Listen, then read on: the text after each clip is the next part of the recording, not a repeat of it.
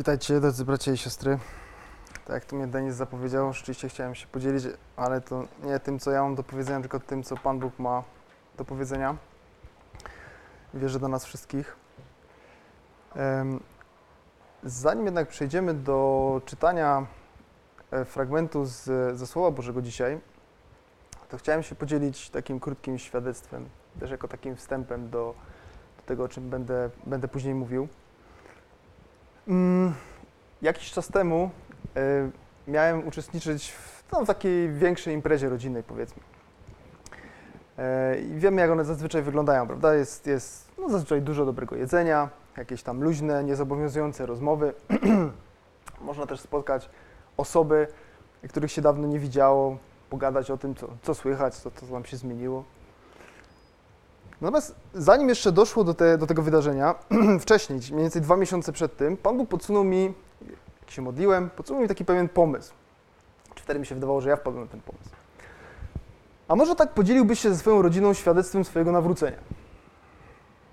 A na pewno była po temu jakaś tam okazja. No i długo od tego czasu próbowałem, przez długi czas próbowałem wytłumaczyć Panu Bogu, że to, że to nie jest dobry pomysł że to w ogóle nie jest dobry pomysł, ponieważ miałem świetne argumenty. Powiem Panu Bogu tak, imprezy rodzinne nie są od tego, ponieważ może się zrobić na przykład nieprzyjemna atmosfera. Że to są takie tematy tabu, trochę nie wypada. Pomyślą, że jestem jeszcze dziwniejszy niż im się do tej pory wydawało. No po prostu to jest kiepski pomysł. Próbowałem to Panu Bogu wytłumaczyć. Na co Pan Bóg, bo ta myśl cały czas do mnie wracała, Pan Bóg podatny jak zwykle na moje świetne pomysły, żelazne argumenty, odpowiedział: A może tak podzieliłbyś się ze swoją rodziną świadectwem nawrócenia? No wiecie, przez te dwa miesiące toczyłem, zresztą razem z moją żoną, taką duchową walkę. Zmagałem się z, tą, z tym pomysłem, później już z tą decyzją, z ogromnym stresem, jaki, jaki temu towarzyszył. Byłem pełen, pełen wątpliwości, pełen wahania, tak właściwie można powiedzieć miotany jak fala morska między euforią, że tak, że to jest super pomysł, że to jest świetna okazja, a taką zupełną rezygnacją, nie? że nie, nie, nie to, to, się nie, to się nie może udać. Ale Pan Bóg był jak zawsze wierny i na wiele sposobów utwierdzał mnie w tej decyzji, dodawał otuchy, zachęcał do, do takiej wytrwałości nie? w tej decyzji i, i żeby to zrobić. No i w końcu udało się i spełniło się moje wielkie marzenie, naprawdę spełniło się moje wielkie marzenie, ponieważ 35 osób z mojej najbliższej rodziny usłyszało raz, że moje świadectwo, tak, mojego nawrócenia, ale przede wszystkim usłyszeli Ewangelię o tym, jak mogą mieć życie wieczne dzięki Jezusowi Chrystusowi. Także chwała Panu Bogu za to, że doprowadził do tej sytuacji. I to jest moje świadectwo, tak? Chciałem Panu Bogu oddać za to chwałę. Natomiast, kiedy myślę jeszcze o tym, o tych takich ciężkich dla mnie dwóch miesiącach, tak, zanim doszło do, do tego spotkania rodzinnego, kiedy patrzę na to z takiej perspektywy czasu, to wiecie, samo jakby rozpowszechnianie, rozszerzanie się Ewangelii to nie jest jedyna dobra rzecz, która się wtedy wydarza. To jest oczywiście wspaniałe, tak, że jakieś osoby mogły może pierwszy raz usłyszeć Ewangelię, może drugi czy, czy kolejny. To jest, to jest świetne, ale wydarzyła się jeszcze jedna dobra rzecz. Dla mnie osobiście. Ja osobiście również na tym zyskałem, ponieważ Pan Bóg przeprowadził mnie przez bardzo trudną lekcję wiary i zaufania. Pan Bóg przeprowadził mnie przez próbę wiary przez te dwa miesiące, kiedy się zmagałem z tym, z tym pomysłem, z tą, z tą decyzją. I właśnie dlatego chciałbym dzisiaj mówić o, o próbach. Chciałbym dzisiaj mówić o próbach, jakim jest poddawana nasza, nasza wiara. Tytuł tego kazania to Radość w próbie. I teraz chciałbym, żebyśmy przeczytali sobie fragment, który przyszedł mi na myśl, kiedy się nad tym zastanawiałem. I to będzie z listu Jakuba, sam początek tego listu. Pierwszy rozdział i od pierwszego do 15 wersetu przeczytam. Ja będę czytał z przykładu dosłownego E i B, ale śledźcie proszę ten tekst w waszych przykładach. Tam są drobne różnice, jak się porówna przykłady. Jakub, sługa Boga i Pana Jezusa Chrystusa do dwunastu pokoleń, które są w rozproszeniu. Przywitanie. Za najwyższą radość uważajcie, moi bracia, gdy opadają was różnorodne próby wiedząc, że doświadczenie waszej wiary sprawia wytrwałość. Wytrwałość zaś niech prowadzi do dzieła doskonałego, abyście byli doskonali i wzorowi, nie mający żadnych braków.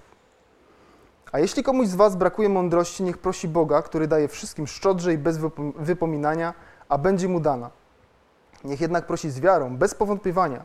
Kto bowiem wątpi, przypomina falę morską, gnaną i rzucaną przez wiatr. Bo taki człowiek niech nie oczekuje, że coś od Pana otrzyma. Człowiek chwiejny, niestały na wszystkich swoich drogach. Niech zaś ubogi brat chlubi się swoim wywyższeniem, bogaty natomiast swoim poniżeniem, że przeminie jak kwiat trawy. Bo wzeszło słońce wraz ze skwarem i wysuszyło trawę, kwiat jej opadł i piękno jego wyglądu przepadło. Tak też zwiędnie bogaty w swoich przedsięwzięciach. Szczęśliwy człowiek, który trwa mimo próby, bo gdy stanie się wypróbowany, posiądzie wieniec życia, obiecany tym, którzy go kochają. Niech nikt kuszony nie mówi, przez Boga jestem kuszony. Bóg bowiem nie jest, jest niepodatny na pokusy ze strony złych rzeczy, ani sam nikogo nie kusi. Każdy natomiast jest kuszony przez własne żądze, odciągany i nęcony, potem żądza, gdy pocznie, rodzi grzech, a grzech, gdy dojrzeje, rodzi śmierć. Nad tym fragmentem chciałbym, żebyśmy się dzisiaj pochylili i, i go dobrze zrozumieli i, i, i postarali się zastosować go w naszym życiu. Ale zanim jeszcze będziemy konkretnie mówić o tym fragmencie, kilka informacji dla przypomnienia o samym liście do, do Jakuba. E, ten, ten list jest o tyle nietypowy, że on w zasadzie poza tym pierwszym wersetem, tak, poza takim adresem, nie zawiera innych elementów charakterystycznych dla listów Nowego Testamentu, bo jest raczej takim, takim spisem zasad, takich porad dla życia chrześcijańskiego, takich, e, no właśnie takich porad, jak prowadzić takie dobre chrześcijańskie życie. Nie? I pod tym względem jest, zresztą jest bardzo charakterystyczny pod tym względem dla literatury żydowskiej, ale bardziej przypomina Torę niż, e, niż listy e, inne z Nowego Testamentu. Napisany został prawdopodobnie przez, Jak, znaczy na pewno przez Jakuba, prawdopodobnie był to Jakub, brat przyrodni Pana Jezusa, jeden z filarów Kościoła w Jerozolimie. On był autorem tego listu. A został napisany do chrześcijan pochodzenia żydowskiego, żyjących poza granicami Palestyny w różnych częściach Cesarstwa Rzymskiego. O tym dokładnie mówi pierwszy werset, tak? teraz przejdźmy sobie do tej dalszej części, do drugiego wersetu. Drugi werset wprowadza nam temat próby. I tak, za najwyższą radość uważajcie, moi bracia, gdy opadają was różnorodne próby. I to słowo próba, to jest tutaj w oryginale użyte greckie słowo peraismos, peraismos. I inny sposób, jak można je przetłumaczyć, to jest również test albo kuszenie. No i teraz zastanówmy się, tak, co, co to w ogóle jest próba, nie? Na czym polega próba? I możemy sobie to porównać do tego, jak podchodzimy do jakiegoś testu albo sprawdzianu czy egzaminu w naszej edukacji, tak? Kiedy podchodzimy do czegoś takiego, no to na każde pytanie może istnieć wiele odpowiedzi. E, to może być, jeżeli to jest test, tak to może być jednokrotnego lub wielokrotnego wyboru. Mamy skończoną liczbę jakichś możliwych odpowiedzi, jedną poprawną albo zestaw poprawnych odpowiedzi. No albo może to być też tak sprawdzian, gdzie, jest, gdzie są otwarte pytania, no i wtedy ilość tych możliwych opcji jest, jest nieskończona, ale zasadniczo egzaminator oczekuje tej jednej właściwej, tak, w ramach w jakichś ramach, według jakiegoś klucza.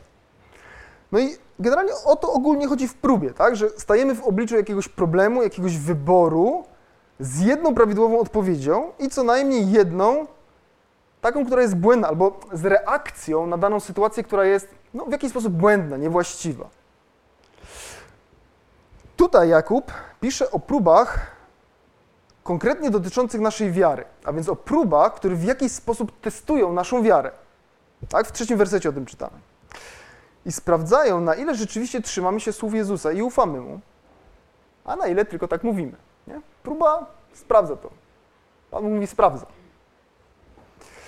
W wersecie drugim mowa jest również o różnorodnych próbach, albo chyba w innym tłumaczeniu tam było rozmaitych próbach. Co to są rozmaite próby? W całej Biblii czytamy o tym, że osoby wierzące doświadczały różnych prób. Na przykład Adam i Ewa nie mogli jeść owoców z jednego konkretnego drzewa. Tak? To była ich próba. Taką próbę dostali, zawiedli w tej próbie. Nie? Job również przeszedł przez próbę. Y, szatan odebrał mu rodzinę, majątek, zdrowie. Przeszedł taką próbę. Izrael jako cały naród szereg prób na pustyni, przez które musieli przejść. Dawid, Salomon przechodzili przez próby. Nawet Pan Jezus przechodził przez próby, na przykład przez kuszenie na pustyni. Piotr, Jan, Paweł, apostołowie siedzieli w więzieniach, przechodzili rozmaite próby swojej wiary. Można powiedzieć, że właściwie sednem każdej historii biblijnej jest jakiś rodzaj próby, prawda? Tak właściwie można powiedzieć. We wczesnym Kościele było podobnie. Pierwsi chrześcijanie doświadczali szczególnych i różnorodnych trudności, prześladowań. Właśnie dlatego Jakub już na początku swojego listu porusza ten temat, aby dodać otuchy, zachęcić, wzmocnić wierzących przechodzących przez trudności wynikające z ich wiary.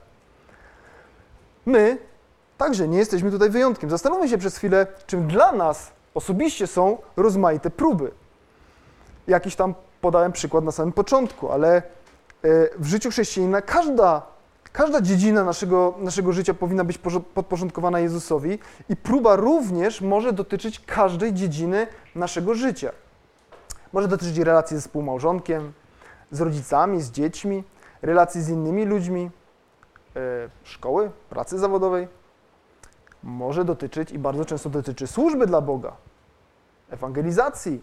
Często ludzie mówią, że doświadczają zniechęcenia w swojej służbie, prawda? To też jest próba mogą dotyczyć spędzania, sposobu spędzania wolnego czasu, rozrywki. Próby mogą dotyczyć każdej dziedziny naszego życia. Czy ona, ta dziedzina jest poddana Jezusowi? Czy będziemy w tej decyzji, w tej dziedzinie posłuszni Panu Jezusowi? Werset drugi mówi jeszcze o jednej ważnej rzeczy. Mówi, za najwyższą radość uważajcie, moi bracia, gdy opadają was różnorodne próby. Jak sobie pomyślimy o tym przykładzie, tak, który podałem wcześniej, takich egzaminów, jakichś testów, sprawdzianów, które pisaliśmy, jak byliśmy w szkole, niektórzy może jeszcze cały czas muszą się dokształcać i się dokształcają, no to czy to jest coś przyjemnego, to jest fajnego, kiedy, kiedy taki egzamin musimy napisać? No raczej nie lubimy tego, prawda? Bo to się wiąże z czym? Wiąże się to z jakimś, z jakimś stresem, e, e, z jakimś wysiłkiem, tak? E, ktoś nas będzie oceniał, sprawdzał, czy nam poszło dobrze, czy niedobrze. No ale podchodzimy do tych egzaminów, no bo za tym stoi jakaś, jakaś nagroda, tak gdzieś tam dalej się przechodzi, coś tam się zdobywa. Dlatego mimo tych trudności do różnych egzaminów sprawdzianów podchodzimy.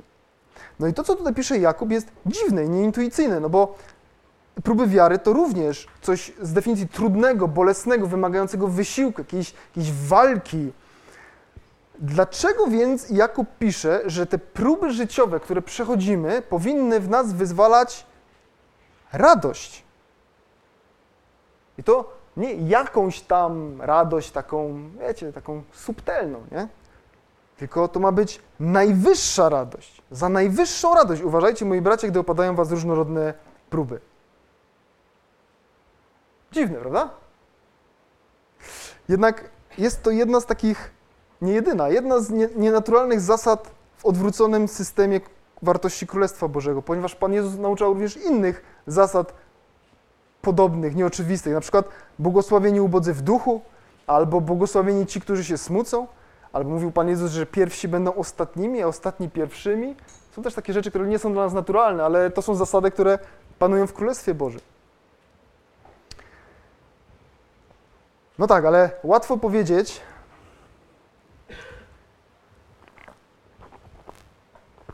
Łatwo powiedzieć, radujcie się, tak? Przechodzicie próbę, radujcie się. Czemu się nie radujecie? Ale trudniej rzeczywiście cieszyć się w obliczu próby. Jakub w wersecie trzecim podaje uzasadnienie tego, dlaczego powinniśmy się radować. Pisze tak. Doświadczenie waszej wiary sprawia wytrwałość. Wytrwałość jest wynikiem próby. Jest tym, co osiągamy, dlaczego powinniśmy się radować. Albo w innych tłumaczeniach występuje tutaj cierpliwość bo, ponieważ to słowo, tutaj greckie y, hupomone, właśnie jest tłumaczone albo jako wytrwałość, albo cierpliwość, również stałość, albo trwanie pod czymś. Czyli tutaj na początku tego fragmentu, czy w wersetach trzecim i czwartym, czytamy, widać to, że jesteśmy poddani pewnemu procesowi. Panu Bogu zależy na tym, abyśmy stale zmieniali się na lepsze, abyśmy dojrzewali, abyśmy wzrastali, aby coś się działo w naszym życiu duchowym. I ten proces, o którym wielokrotnie czytamy w Nowym Testamencie, często nazywany jest uświęceniem, czyli naszą drogą do doskonałości, do pewnego ideału świętości, jakim jest Pan Jezus. Próby właśnie budują w nas cierpliwość, wytrwałość, stałość, czyli te cechy charakteru, które niewątpliwie możemy obserwować u Pana Jezusa, ale są to również cechy charakteru, które On chciałby widzieć w nas, które Pan Jezus w nas chce wypracować. Tak? No i ten werset czwarty mówi wyraźnie o celu, który jest przed nami. Osiągnięcie doskonałości. Albo inaczej można przetłumaczyć dopełnienia, dojrzałości. Naszym celem jest bycie wzorowymi, czyli takimi osobami, które nie posiadają żadnych braków. A do tego właśnie prowadzi wytrwałość, która jest wynikiem prób, przez które przechodzimy. Taki jest sens tych, tych, tych wersetów, tych zdań, które czytamy. Mamy tutaj więc do czynienia z takim zderzeniem dwóch perspektyw, bo z jednej strony, nie wiem, czy się ze mną zgodzicie, ale z jednej strony my sami chcemy przeżyć życie jak, jak najmilej, tak? Jak najmniejszym wysiłkiem. Bez kłopotów. Ja, ja mam taki naturalny cel, żeby było fajnie i przyjemnie. To jest dla, dla nas źródłem radości. Ale Pan Bóg ma inną perspektywę. Pan Bóg widzi konieczność tego, żeby nas przeprowadzić przez, przez pewne próby, przez kłopoty, właśnie po to, żeby wyrobić w nas charakter Jezusa, doprowadzić do doskonałości. I to powinno być dla nas źródłem radości. Czy my w ogóle jesteśmy w stanie osiągnąć taką doskonałość, jaki, jaki Pan Jezus w nas oczekuje? Wydaje się, że jest to tylko kwestia ilości prób, przez które zostaniemy przeprowadzeni, tak? przez które przejdziemy pozytywnie. Gdyby to było niemożliwe, to, to cały ten proces nie miałby sensu. Idźmy dalej. Popatrzmy na wersety od 5 do 8. W wersecie 5 Paweł, y, Jakub, przepraszam, czy, y, pisze o mądrości. Jeżeli komuś z Was brakuje mądrości, niech prosi Boga, który daje wszystkim szczodrze i bez wypominania, a będzie mu dana. Widzimy więc, że Jakub jak gdyby pozornie zmienia temat. Porusza kwestię mądrości. Co robić, kiedy komuś brakuje mądrości? Dlaczego Jakub zmienia temat? Może nam się tylko tak wydaje. Gdybyśmy przeskoczyli na chwilę do wersetu 12, to widzimy, że tutaj w wersecie 12 Jakub wraca do tematu prób. A więc wszystko, co czytamy w tym fragmencie, powinno być w tym kontekście interpretowane. Tak? Tu cały czas to wszystko, czym jest mówione, jest mówione w kontekście prób. I ta zasada z piątego wersetu ona jest ogólna, zawsze prawdziwa. Jeśli komuś brakuje mądrości, powinien się modlić, prosić o nią Boga, który udziela chętnie, bez wypominania. Natomiast zadajmy sobie inne pytanie. Czy mądrość ma jakieś szczególne znaczenie w obliczu próby? No chyba ma, prawda? Potrzebujemy jej, aby w ogóle rozpoznać próbę, jakiej jesteśmy poddani, a przede wszystkim, żeby znaleźć wyjście z tej próby. Takie wyjście zgodne z Bożą wolą, takie, które Panu Bogu się podoba, żeby podjąć dobre decyzje i przejść tą próbę pozytywnie. Jest potrzebna mądrość do tego, prawda?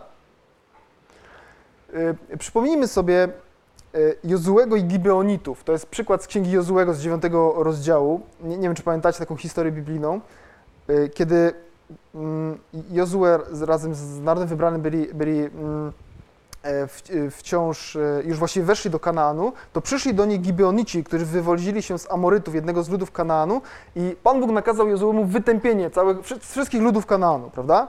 Więc oni wpadli na taki chytry pomysł, że przebrali się za nie mieszkańców Kanaanu, tak? Czy przebrali się za osoby, które były spoza Kanaanu. No i, e, no i mm, po prostu oszukali Izraelitów, tak?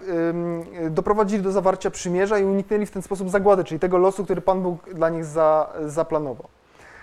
I to dla Jozuego też była pewna próba, ponieważ Jozue nie skonsultował tej decyzji z Bogiem o zawarciu przymierza z tymi Gibeonitami. Gdyby zapytał się, gdyby prosił o mądrość, to Pan Bóg objawiłby mu, że to była tylko, że to byli tylko przebierańcy, że to są Kananejczycy i nie powinien z nimi zawierać przymierza. Ale stało się inaczej. Później na Izraela spadły z tego powodu nieprzyjemne konsekwencje. Tak? Mądrość jest potrzebna w obliczu próby.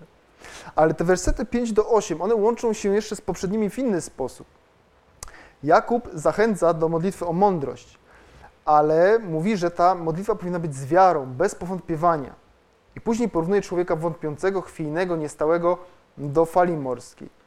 Modlitwa takiego człowieka nie zostanie wysłuchana, a człowiek o takim charakterze bez wiary nie podoba się Bogu. Tak? O tym tutaj mniej więcej czytam.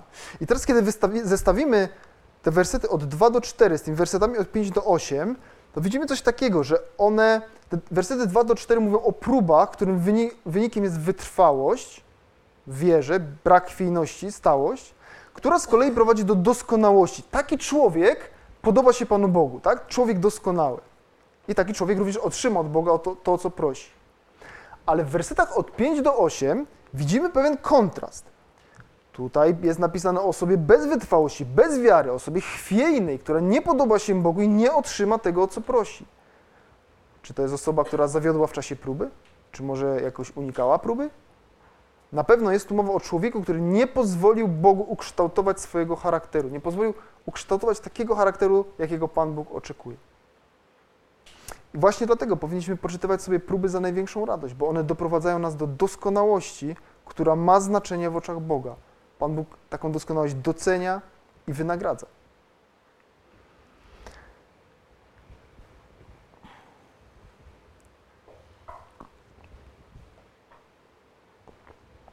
Co czytamy dalej? Wersety od 9 do 11. Znowu, pozornie jak gdyby zmiana tematu, nie?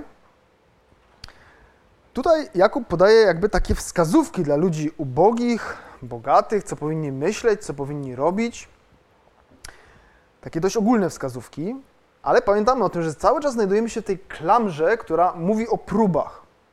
Również ten fragment, na ten fragment popatrzymy z tej perspektywy. I do tej pory Jakub mówił o rozmaitych próbach ogólnie, tak teoretycznie. Ale teraz podaje przykład bardzo konkretnej próby ubóstwa, czyli sytuacji jakiegoś permanentnego braku, jakiejś niemożności samodzielnego zaspokojenia swoich potrzeb, podstawowych potrzeb.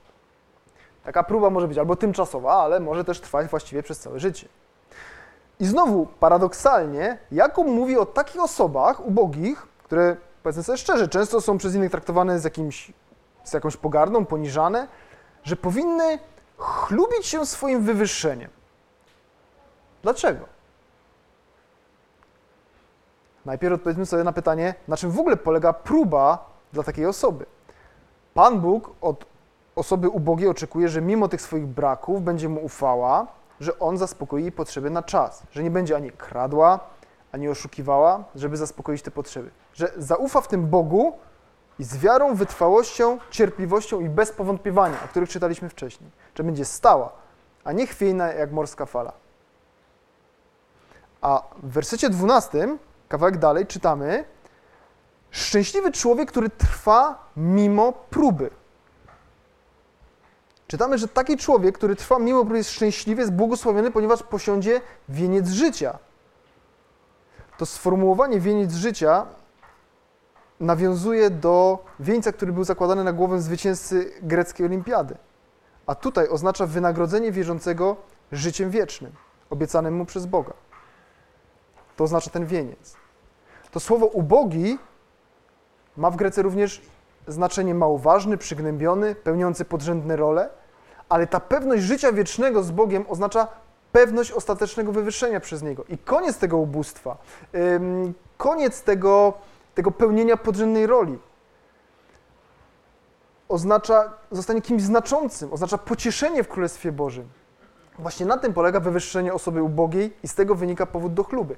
No a teraz co z bogatym, nie? Mowa tu jest najpierw o ubogim, a teraz o bogatym. I znowu paradoksalnie, na zasadzie kontrastu, ta osoba bogata ma się chlubić swoim poniżeniem. Ale przecież osoby zamożne zazwyczaj cieszą się szacunkiem, są podziwiani, mają znaczenie, po ludzku patrząc są przecież wywyższone. A jednak Jakub przypomina o tym, że bogactwo jest tymczasowe. Wszystkie wysiłki zmierzające do pomnożenia majątku, inwestycje, jakieś gromadzenie zasobów tracą znaczenie, kiedy człowiek umiera. Bogaty przemija podobnie jak kwiat.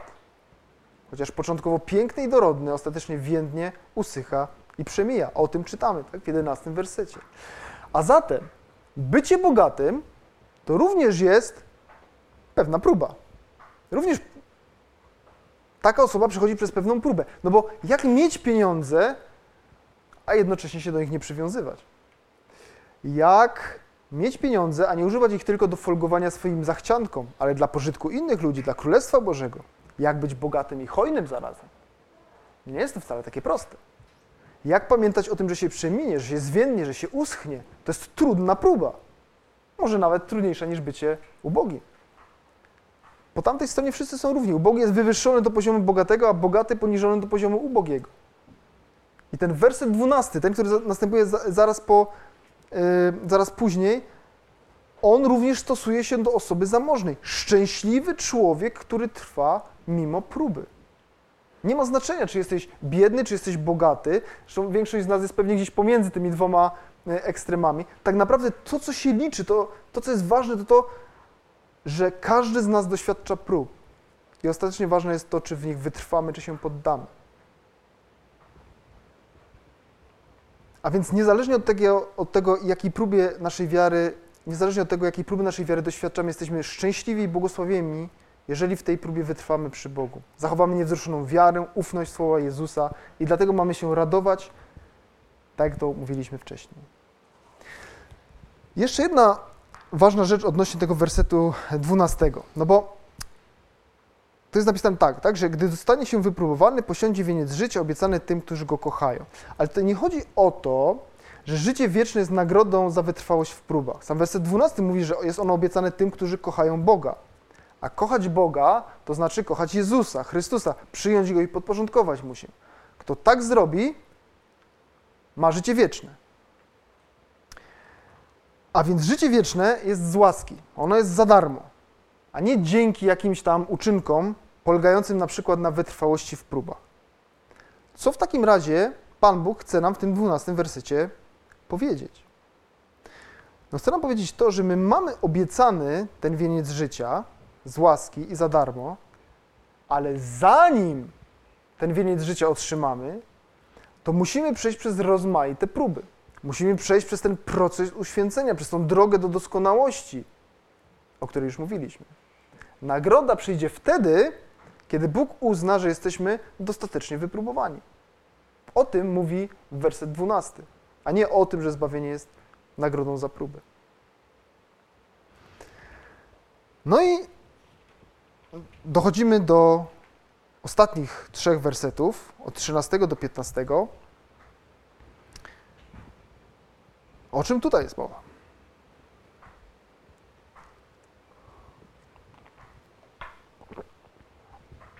Niech nikt, niech nikt kuszony nie mówi, przez Boga jestem kuszony, bowiem Bóg bowiem jest niepodatny na pokusy ze strony złych rzeczy, ani sam nikogo nie kusi. Werset 12 mówił o następstwach wytrwania w próbie.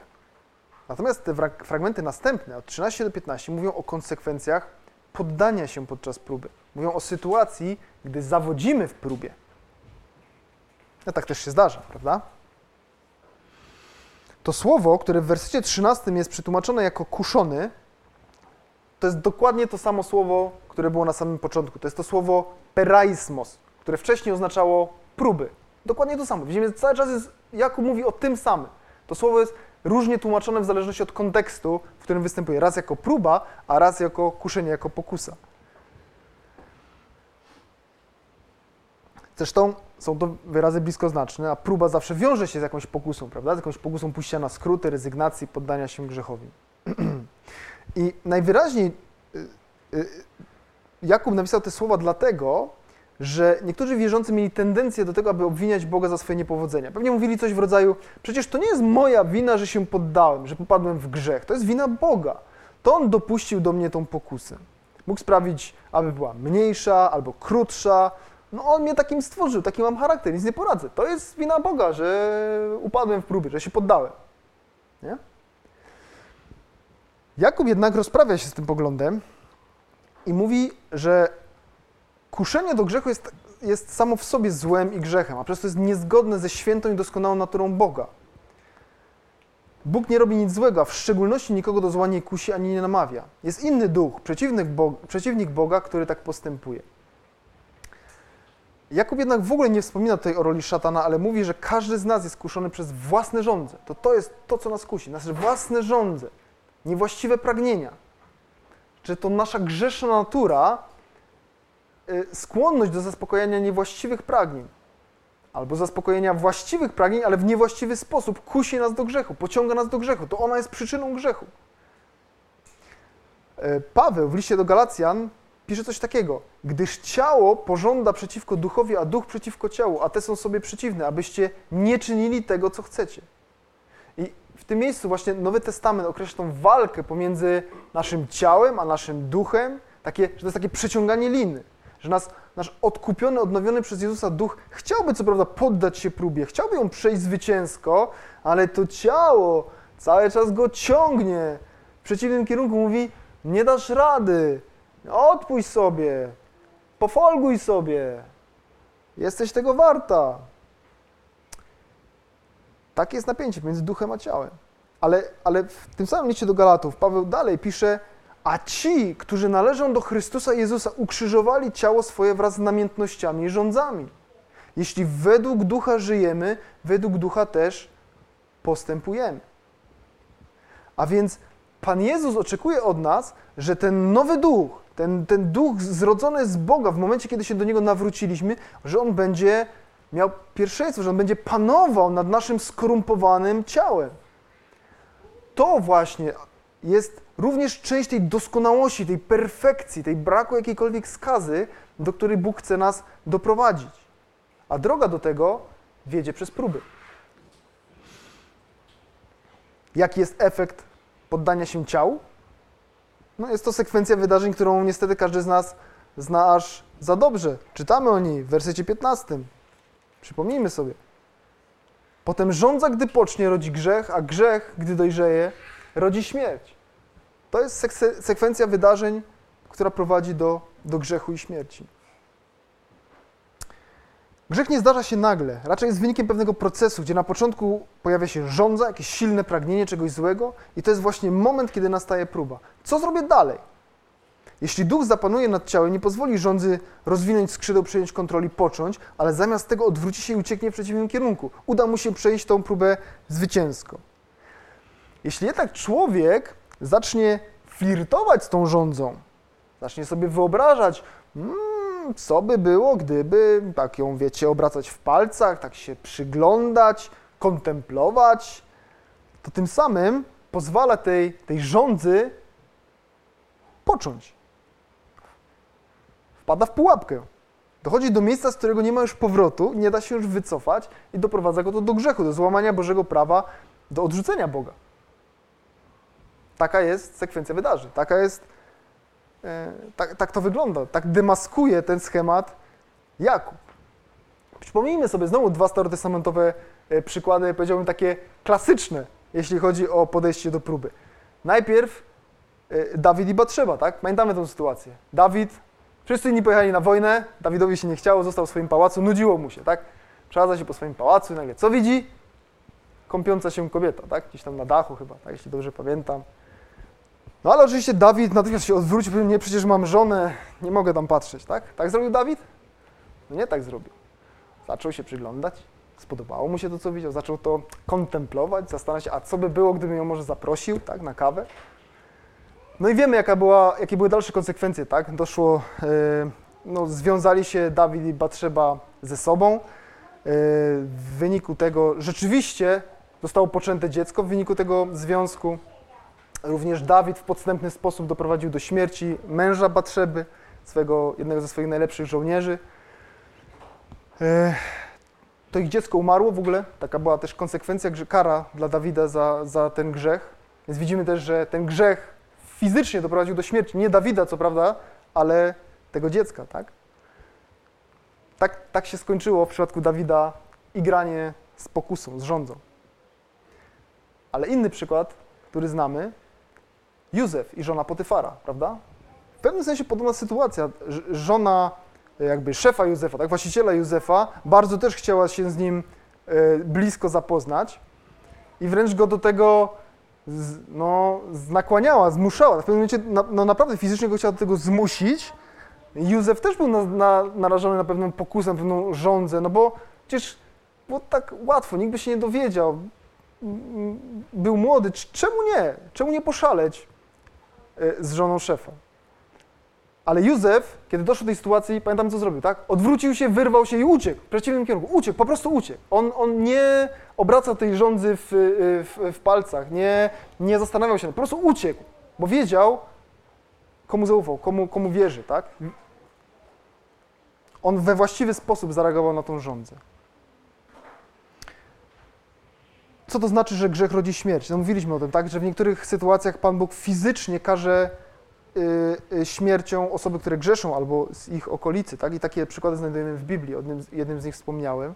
Pan, jest, Pan Bóg jest suwerenny, jest Panem naszego życia i ma do tego prawo. Ale grzech rodzi również śmierć w sensie duchowym, to znaczy każdy, kto łamie Boże prawo, ściąga na siebie konsekwencje w postaci śmierci duchowej. To jest wiecznego odłączenia od Boga w piekle.